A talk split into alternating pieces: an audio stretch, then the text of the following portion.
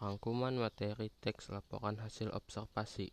Pengertian teks hasil observasi adalah teks yang memberikan informasi secara umum mengenai sesuatu berdasarkan fakta dari hasil pengamatan secara langsung. Hasil pengamatan atau yang biasa disebut dengan observasi itu dilakukan oleh si pengamat dengan terjun langsung ke lapangan untuk mengetahui sebuah informasi yang ada.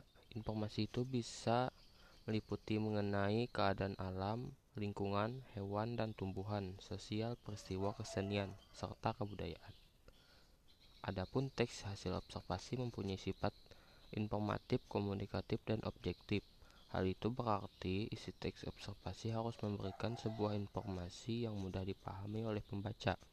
Setiap informasi yang juga didapat harus disajikan atau ditulis secara objektif dan sesuai fakta yang sebenarnya dengan kata lain tidak boleh dibuat-buat atau menurut opini sang penulis, serta dapat dibuktikan kebenarannya. Struktur teks laporan hasil observasi secara umum memiliki tiga struktur yaitu satu Pernyataan umum, yaitu terdapat pembukaan berisi pembuka atau informasi secara umum mengenai hal yang akan disampaikan. Bagian ini berisi hal umum tentang objek yang akan dikaji menjelaskan secara garis besar mengenai objek tersebut. Deskripsi 2. Deskripsi bagian Pada bagian ini terdapat isi, rincian, pembahasan, dan penjelasan secara lebih mendalam mengenai informasi yang ingin disampaikan. 3. Deskripsi manfaat yang berisi fungsi atau manfaat setiap objek yang diamati dalam kehidupan.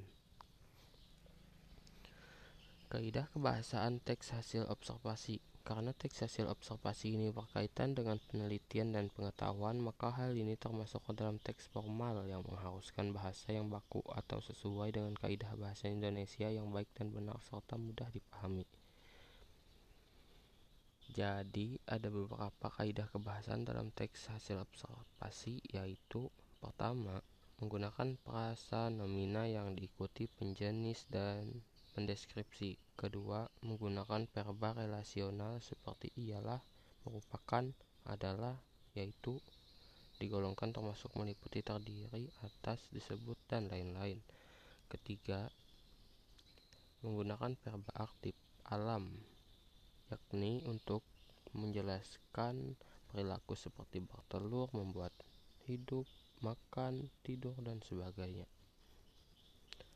Keempat, menggunakan kata penghubung untuk menyatakan. Misal, kata tambahan digunakan kata dan serta lalu. Untuk kata pembeda biasanya digunakan untuk digunakan kata berbeda dengan kata persamaan sebagaimana seperti halnya. Demikian halnya, hal demikian sebagai hal yang sama.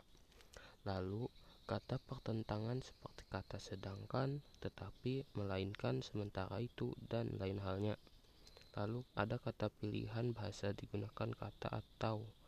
Kelima, menggunakan kalimat simpel dan kompleks. Keenam, menggunakan kalimat definisi dan kalimat deskripsi. Ketujuh, menggunakan kata keilmuan atau teknis seperti herbivora, degeneratif, osteoporosis, mutualisme, parasitisme, dan lain-lain. Terima kasih.